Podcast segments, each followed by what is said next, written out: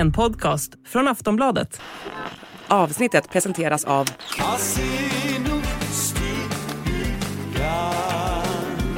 Stödlinjen.se, åldersgräns 18 år.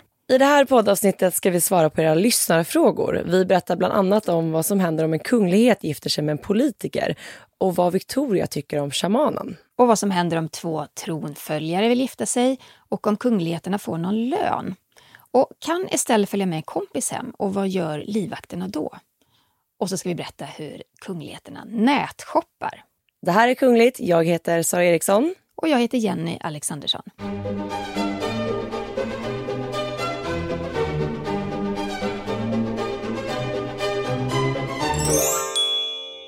Vi börjar med en eh, lyssnarfråga ifrån Emma. Hon skriver så här. Jag har sett filmen Red, White and Royal Blue där en brittisk prins blir ihop med sonen till den amerikanska presidenten. I slutet står paret hand i hand tillsammans på scenen när presidenten vunnit valet. Skulle det kunna hända på riktigt? Om exempelvis prins Carl Philip skulle bli ihop med Joe Bidens dotter. Skulle en kunglighet kunna stötta en politisk kandidat och på det sättet, på det sättet? Eller skulle de behöva förbli opartiska trots förhållandet? Har något liknande hänt på riktigt? Bra fråga, superintressant. Jag säger nej, absolut inte. En kunglighet som fortfarande är en del av kungahuset kan inte stötta en politisk kandidat. Inte i Sverige och inte i de flesta europeiska kungahus där regenten ska, regenten ska vara opolitisk. Men självklart kan en prins eller prinsessa i teorin kunna bli tillsammans med en amerikansk presidents son eller dotter. Men det skulle vara ett oerhört känsligt ämne. Det skulle diskuteras noga inom hovet och familjer, för man vet ju att folk skulle reagera och bevaka den här relationen, inklusive medierna, väldigt intensivt. Och frågan är ju också då om inte opinionen skulle luta åt det hållet att man vill att den här prinsen eller prinsessan då avsäger sig eh, sin kungliga status helt enkelt. Men jag tänker att även om en kunglighet då skulle avsäga sig sin eh, kungliga titel för att då kunna bli tillsammans eller gifta sig med eh, någon med politisk koppling så finns det ju fortfarande det här eh, ja, PR-värdet. Eller den här, jag menar man ser ju fortfarande kanske på en kunglighet som en kunglighet. Så det är ett väldigt känsligt ämne som är svårt att liksom komma förbi. Mm. Så är det fortfarande med prinsessan Märta Louise och eh, hon får inte jobba för kungahuset längre. Men man betraktar ju henne fortfarande som en prinsessa och mm. man bevakar ju henne på det viset. Vi har fått en fråga från Isak. Jag undrar om ni har möjlighet att svara på den här frågan. Har det brittiska kungahuset skapat stora skandaler runt om i samväldet i modern tid? Men också en bra fråga från Isak. I, I modern tid så är samväldets länder medvetna om de kungliga skandalerna i Storbritannien. Eh, kung Charles och otrohetshistorien med ja, Diana och Camilla såklart, skilsmässan och Dianas död. Vi får inte heller glömma Harry och Meghans beslut att lämna kungahuset och såklart prins Andrews våldtäktsanklagelser. Men det är ju ingenting som är direkt kopplade till samväldet. Eh, det man kan notera är ju att många länder i samväldet har avsatt den brittiska monarken och flera länder kommer nog att följa efter, efter det här sedan drottningens död. Men eh, man har inte samma respekt för den här nya kungen som man haft för drottning Elizabeth i samväldesländerna. Det är väldigt tydligt. Och när William och Kate besökte ett par av de här länderna så skapade det, blev liksom enorma rubriker. Ehm, det var liksom ett par av de här programpunkterna som hade rasistiska undertoner. Och det handlar bland annat om när paret åkte i den här öppna bilen och de var helt klädda i vitt och bara även vita handskar. Det blev ju väldigt omdiskuterat. Det var även en av programpunkterna där paret då hälsade på människor alltså bakom, det var ett gallerstaket mellan kungligheterna och folket. Också någonting som blev Eh, skapade enorma rubriker. Så det är väl ungefär så man kan sammanfatta det i modern tid.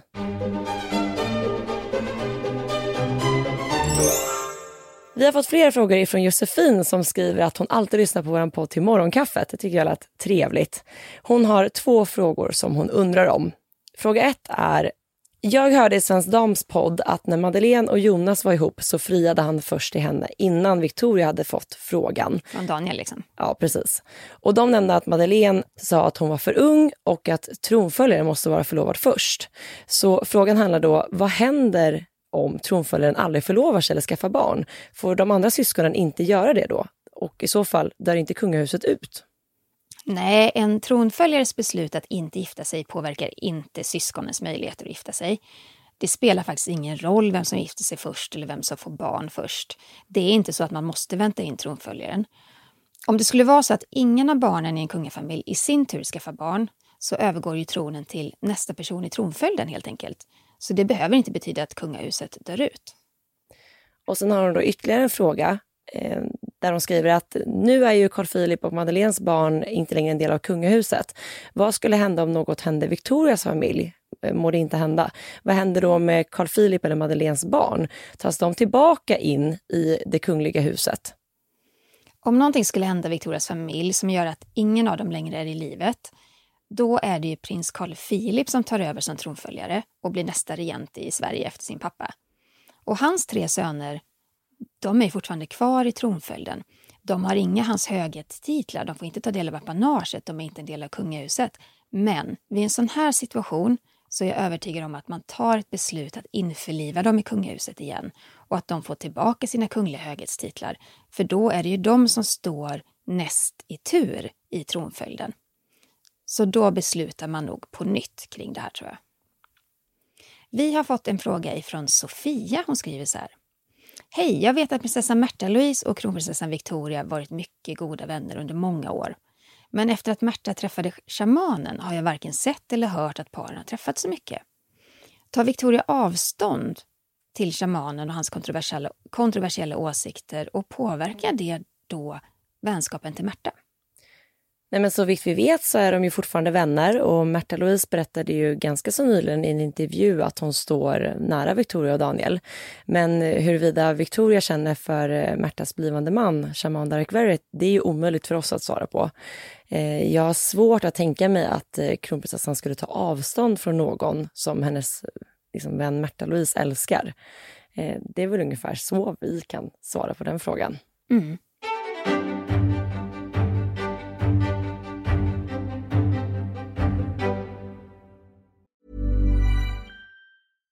This message comes from BOF sponsor eBay. You'll know real when you get it. It'll say eBay Authenticity Guarantee. And you'll feel it. Maybe it's a head turning handbag, a watch that says it all, jewelry that makes you look like the gem, or sneakers and streetwear so fresh every step feels fly. eBay gets it. So look for the blue check mark next to that thing you love and be confident that every inch, stitch, sole, and logo is checked by experts. With eBay Authenticity Guarantee, you can trust that feeling of real is always in reach. Ensure your next purchase is the real deal. Visit eBay.com for terms. Vi har fått en fråga ifrån eh, Daniel som skriver så här. Jag kom att tänka på något när jag såg bilderna på era Instagram på några av eh, Europas framtida regenter. Vad skulle hända om två tronföljare blev ett par? Vi säger att Ingrid Alexander av Norge och Kristian av Danmark blir ett par och gifter sig. Måste en avsäga sig tronen för det andra landet eller hur skulle det se ut? Hoppas ni är med på vad jag menar. Tack för svar och en bra podd. Ja, men tack själv Daniel. Det där är en bra fråga. När det gäller Sverige så är det reglerat i lag en regent i Sverige får inte lov att gifta sig och bli regent i något annat land utan att ha lov att göra det från regeringen. Och jag har svårt att se att regeringen idag skulle acceptera att Sveriges statschef samtidigt är gift med, låt oss säga, Danmarks statschef. För det skulle kanske innebära, om, då, om det istället gäller då, att hon flyttar till Danmark och det skulle inte fungera. Vi måste ha en statschef som befinner sig i landet helt enkelt. Men det är en väldigt bra och spännande fråga. Mm. En fråga från Magnus. Nu var det aldrig aktuellt, men vad skulle hända om kronprinsessan och prins Daniel skiljer sig? Var ska Daniel bo? Hur gör man med delad vårdnad och sånt där? Ja, om det skulle hända så skulle ju hovet arbeta fram en plan för den här skilsmässan långt innan vi vanlisar får veta någonting om det. Det skulle ju såklart finnas nedskrivet exakt eh, var prins Daniel flyttar och hur hans umgänge med barnen skulle se ut och sådär. Om man skulle få behålla en eh, kunglig titel eller inte. Eh, eftersom att kronprinsessparet äger flera fastigheter och de bygger bland annat det här ett stort hus på Värmdö så skulle man kunna tänka sig att eh, prinsen ja, eventuellt skulle flytta dit. Då. Men allt sånt här är ju såklart bara teoretiskt. Eh, hovet och kungafamiljen skulle ha mycket planering att göra om, om det här skulle inträffa. Vi har fått en fråga från Mette som skriver, vilket nummer kommer kronprinsessan Victoria att få den dagen hon tar över tronen? Ja, Victoria blir Victoria den första. Det har visserligen funnits en drottning Victoria, det var hon som var gift med Gustav V. Men hon var ju inte en regerande drottning och de här siffrorna de sätts ju på regenter och inte deras eh, makar. Sofie undrar så här. Vad tycker ni båda varit mest intressant att bevaka sen ni började jobba med och skriva om kungahusen? Sara, du får börja. Ja, jag har ju jobbat med det här betydligt kortare än vad du har gjort Jenny, så jag har inte upplevt lika mycket och jag önskar att jag hade jobbat med det här eh, redan liksom när det var den här stora bröllopstiderna, men de missade jag ju lite. Så jag måste nog säga Ja, men dels drottning Elizabeths platinajubileum var ju otroligt häftigt att vara på plats i London och verkligen få känna och ta del av det här firandet och få liksom en eh, bredare förståelse för hur mycket drottning Elizabeth faktiskt betydde för, för sitt folk. Och sen såklart, jag menar drottningens död är ju en sån otroligt stor händelse, någonting som skrivs in i historieböckerna. Det är klart att det känns att det var intressant att liksom vara med i hela den bevakningen och allting runt omkring det. Så det är nog mina svar. Vad, vad säger du, Jenny? Jag håller med om att det där var oerhört spännande och intressant. Att mm. befinna sig mitt i den här kokande mittpunkten. Både vid platinajubileet, eh, begravningen och när prins Charles då blev kung Charles. Men jag skulle nog också säga jag har ju hållit på med det här i 20 års tid. Det ju, känns jättekonstigt när man säger det högt att 20 år har passerat. Men jag skulle nog säga att det var en period där när kronprinsessan reste väldigt mycket. Det var innan förlovningen och bröllopet och det var en strategi att hon ville hinna göra allt det där. Och då reste jag med henne och bevakade de besöken. Och eh, det var alltifrån Saudiarabien, Kina, Indien. Ja, jag, jag, jag, kommer knappt ens ihåg. Men, men, och många av de resorna det är ju minnen för livet. Det är ju länder som jag inte skulle ha besökt om jag inte hade det jobb jag hade. Och så mycket spännande saker man fick se bakom kulisserna. Så det, det kommer jag alltid bära med mig genom är, livet. Är det någon av de där resorna som du liksom minns extra mycket eller som sticker ut på något sätt? Ja, Saudiarabien. Eh, det är nästan värt ett eget avsnitt av podden. Det var en av de värsta resor jag gjort, men också en av de mest fascinerande resorna jag har gjort. Eh, Kina minns jag också väldigt väl. Och eh, det var faktiskt den resan som Victoria gjorde. Daniel berättade i sitt bröllopstal att hon hade skrivit 30 lappar och lagt i en ask till honom. Det. Han skulle öppna en lapp varje dag. Det var ju den resan till Kina. Så hon var ju där ganska länge. Och vi var där ganska länge. Um, men också Indien tyckte jag var fascinerande. Alltså det, det, det är upplevelser, mm. verkligen. Såklart. Mm. Nu har vi fått en fråga från eh, Camilla som skriver så här. Kan Estelle följa med kompisar hem efter skolan och har hon alltid med sig en livvakt då? Ja men såklart så kan prinsessan istället följa med sina kompisar hem och, och, leka med dem. Men det handlar ju om säkerhet och det finns ju alltid en livvakt med. Eh, så därför kanske det är vanligare att nära vänner följer med Estelle hem än tvärtom. Just för att det är en, en bättre säkerhet kring då till exempel Haga slott. Vi har fått en fråga från Nora som skriver så här. Har Camilla några officiella uppdrag nu när hon är drottning? Ja, absolut. Hennes viktigaste uppgift är att stötta sin man i hans arbete.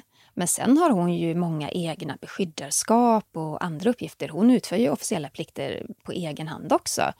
Och, så hon, hennes roll är ju eh, oerhört viktig.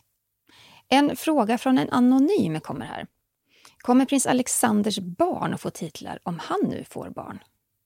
Nej, de kommer ju inte att få det. Eh, och det här handlar ju om att eh, kungen 2019 tog ett beslut att helt enkelt kapa grenar inom eh, det svenska kungahuset. Där man då tydliggjorde att prins Carl Philips och prinsessa Madeleines barn inte längre tillhörde kungliga huset. De är ju fortsatt en del av tronföljden. De har ju titlarna prins och prinsessa men inte kungliga höghetstitlar. Men det gör ju också att de blir de sista i, i det släktledet som har de här titlarna. Och därför kommer inte deras barn eh, en dag heller att ha några, några titlar. Om ingenting skulle hända som gör att man då behöver eh, göra om det här beslutet och att de behöver bli en del av det kungliga huset igen.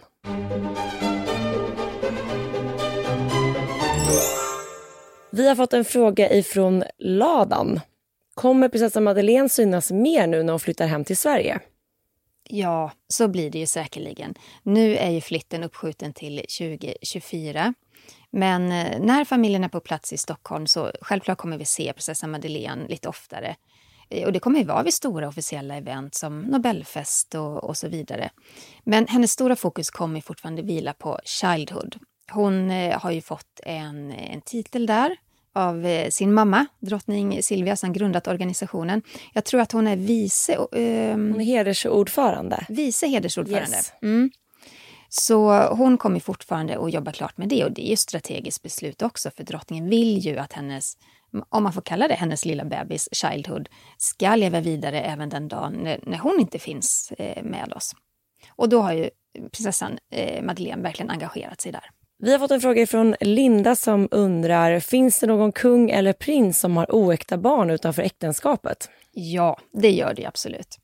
Kanske var det vanligare förr, men det existerar ju även i modern tid och där kan man ju nämna eh, den tidigare kung eh, Albert av eh, Belgien. Han hade faktiskt eh, en älskarinna i många, många år och eh, resultatet av det blev en liten dotter, Delphine Boel. Det här, alltså hon växte ju delvis upp med sin pappa i och med att han fanns där i hennes tidiga ålder men sen så övergav han henne. Och hon har ju hela sitt liv kämpat för att han ska acceptera henne. Det krävdes det, ju väldigt mycket för att nå fram dit. Ja, det krävdes ett DNA-test som kungen först vägrade utföra, men efter hot om vite, jag tror han skulle betala 40 000 kronor per dag om han inte tog det testet, så gick han med på det. Och det visade sig mycket riktigt att ja, Delphine Boel är hans dotter. Och efter ett eh, domstolsbeslut domstolsbeslut så fick hon faktiskt en prinsesstitel. Hennes barn fick eh, kungliga titlar. Och hon syns faktiskt numera i officiella sammanhang. Därför att hennes halvbror då, nuvarande kungen, har tagit henne under sina vingar. Men vi kan också nämna först Albert av Monaco. Han har erkänt dottern Jasmin Grimaldi, jag tror hon är i 20-årsåldern nu. Och även sonen Alexandre Costes som nyligen fyllde 18. Och kollar man på Sverige så kan man ju se att Jean-Baptiste Bernadottes son Oscar den förste fick dottern Oscaria med en hovdam. Han fick även sönerna Max och Hjalmar med skådespelerskan Emily Högqvist. Det sägs även att det finns fler kungar som har hemliga, eller hade hemliga barn. Karl den femtonde, han kallades även för Frökalle. Han hade rykte om sig att ha väldigt många barn utanför äktenskapet, både i Sverige och i Norge. Men bara ett barn har bekräftats eh, och det är dottern Ellen Svensson. Hon gifte sig och fick sen efternamnet Hammar som kungen då fick med skådespelerskan Johanna Matilda Styrell. Så det är relativt vanligt. Mm.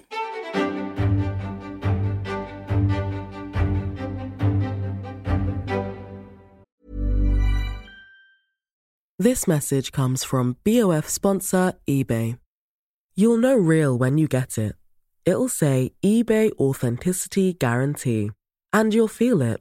Maybe it's a head turning handbag a watch that says it all, jewelry that makes you look like the gem, or sneakers and streetwear so fresh every step feels fly. eBay gets it.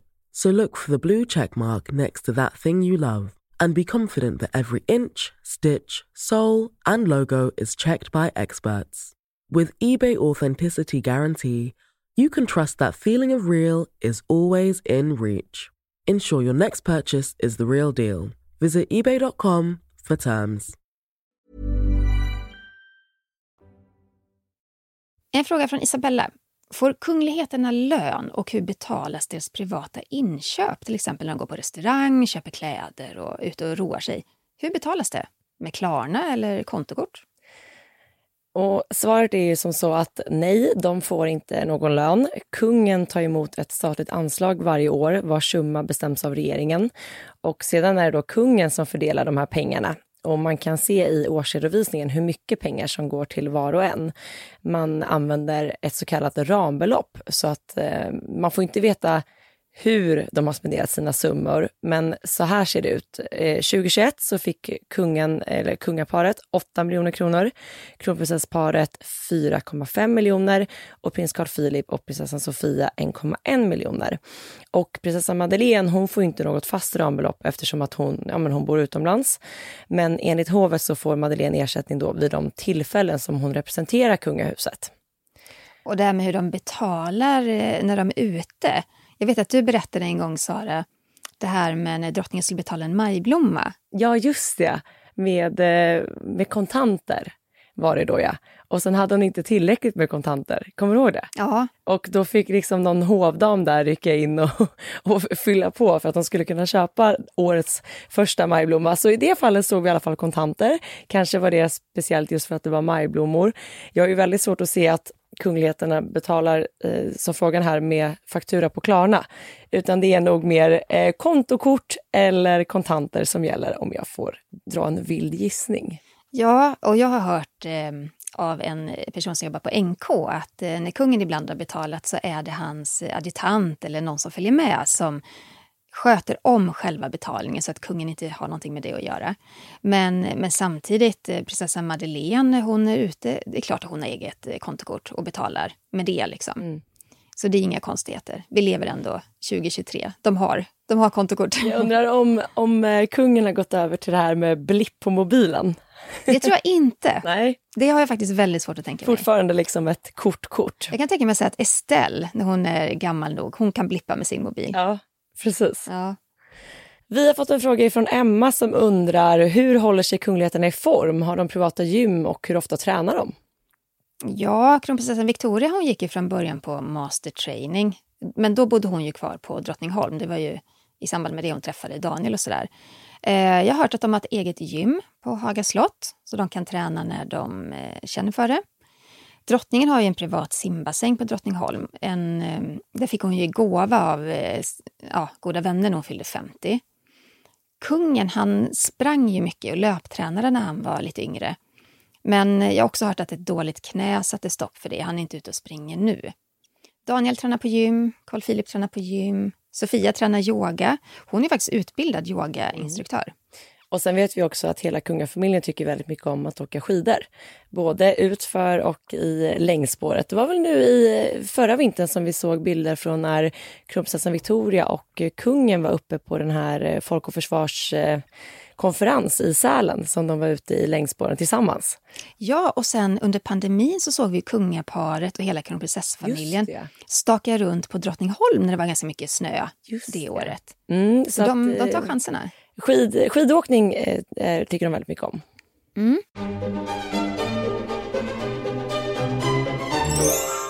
En fråga från Duvan. Om någon i familjen, i kungafamiljen vill nätshoppa, ja, som alla andra gör, hur gör de då? Var, vart skickas paketen? Ja, men det är klart, alltså, om vi ska leka med den tanken så kan ju de kan ju alltid ange Kungliga slottets adress eh, och då passerar det ju först en säkerhetskontroll såklart. Annars så kan de ju be någon annan få det hemskickat och sedan då lämna över det till till exempel kronprinsessan eller vem det nu är som beställer något. Eh, men nej, jag tror faktiskt inte att de är lika vana nätshoppare som vi andra är, utan kring de här, om man då tänker klädinköp inför då eh, officiella tillställningar eller galatillställningar. Jag menar, det, är ju, det, det går ju till på ett annat sätt än att man bara klickar hem någonting på nätet som en annan gör. Berätta hur det går till. Nej, men det sker ju såklart i planering med, till exempel kronprinsessan har ju sin eh, stylist Tina. De planerar ju det här långt i förväg. Det finns ju mycket som ska synka inför de här stora händelserna och jag menar nu på senare år så ser vi ju hur kronprinsessan jättegärna återanvänder kläder.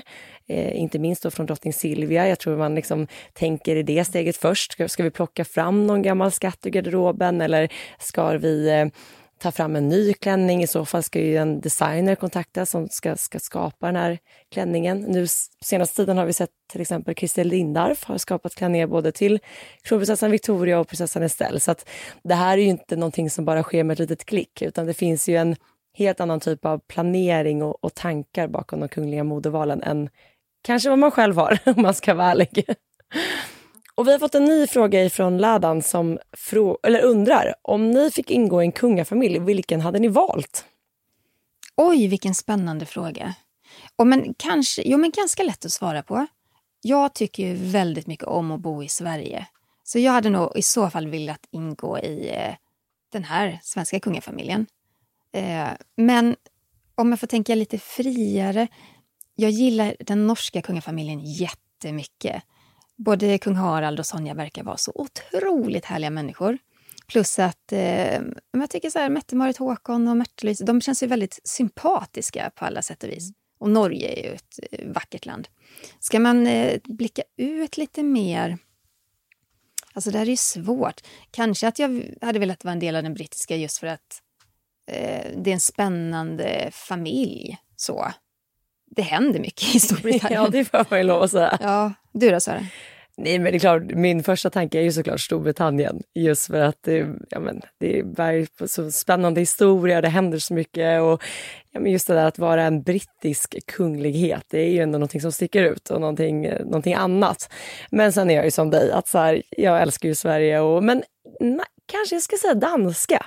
Mm. Jag älskar ju Danmark. Tycker... Ja, det, du förstår ju till och med danska. Ja, det gör jag. Ja. Tycker väldigt mycket om ja, men, danskar. Jag tycker de har liksom ett ganska så soft, soft inställning till livet. Och jag menar, det tycker jag var ju, alltså, tänk dig drottning Margrethe och få sitta och käka söndagsmiddag med henne.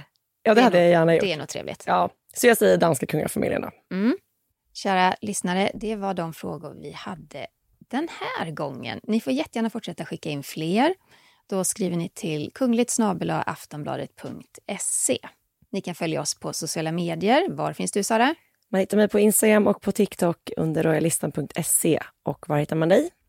På Instagram eh, främst. Där heter jag Kungligt med Jenny. Tack snälla för att ni har lyssnat på veckans avsnitt av Kungligt. Vi hörs igen nästa vecka. Hej då! Hej då!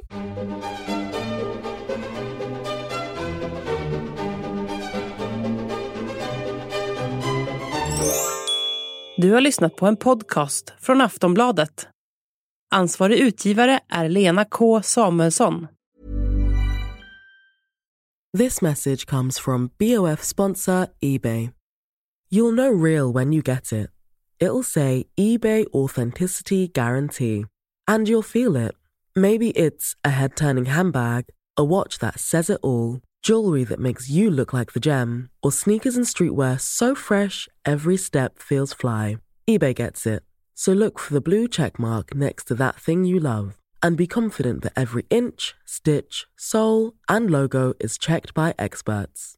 With eBay Authenticity Guarantee, you can trust that feeling of real is always in reach. Ensure your next purchase is the real deal. Visit eBay.com for terms.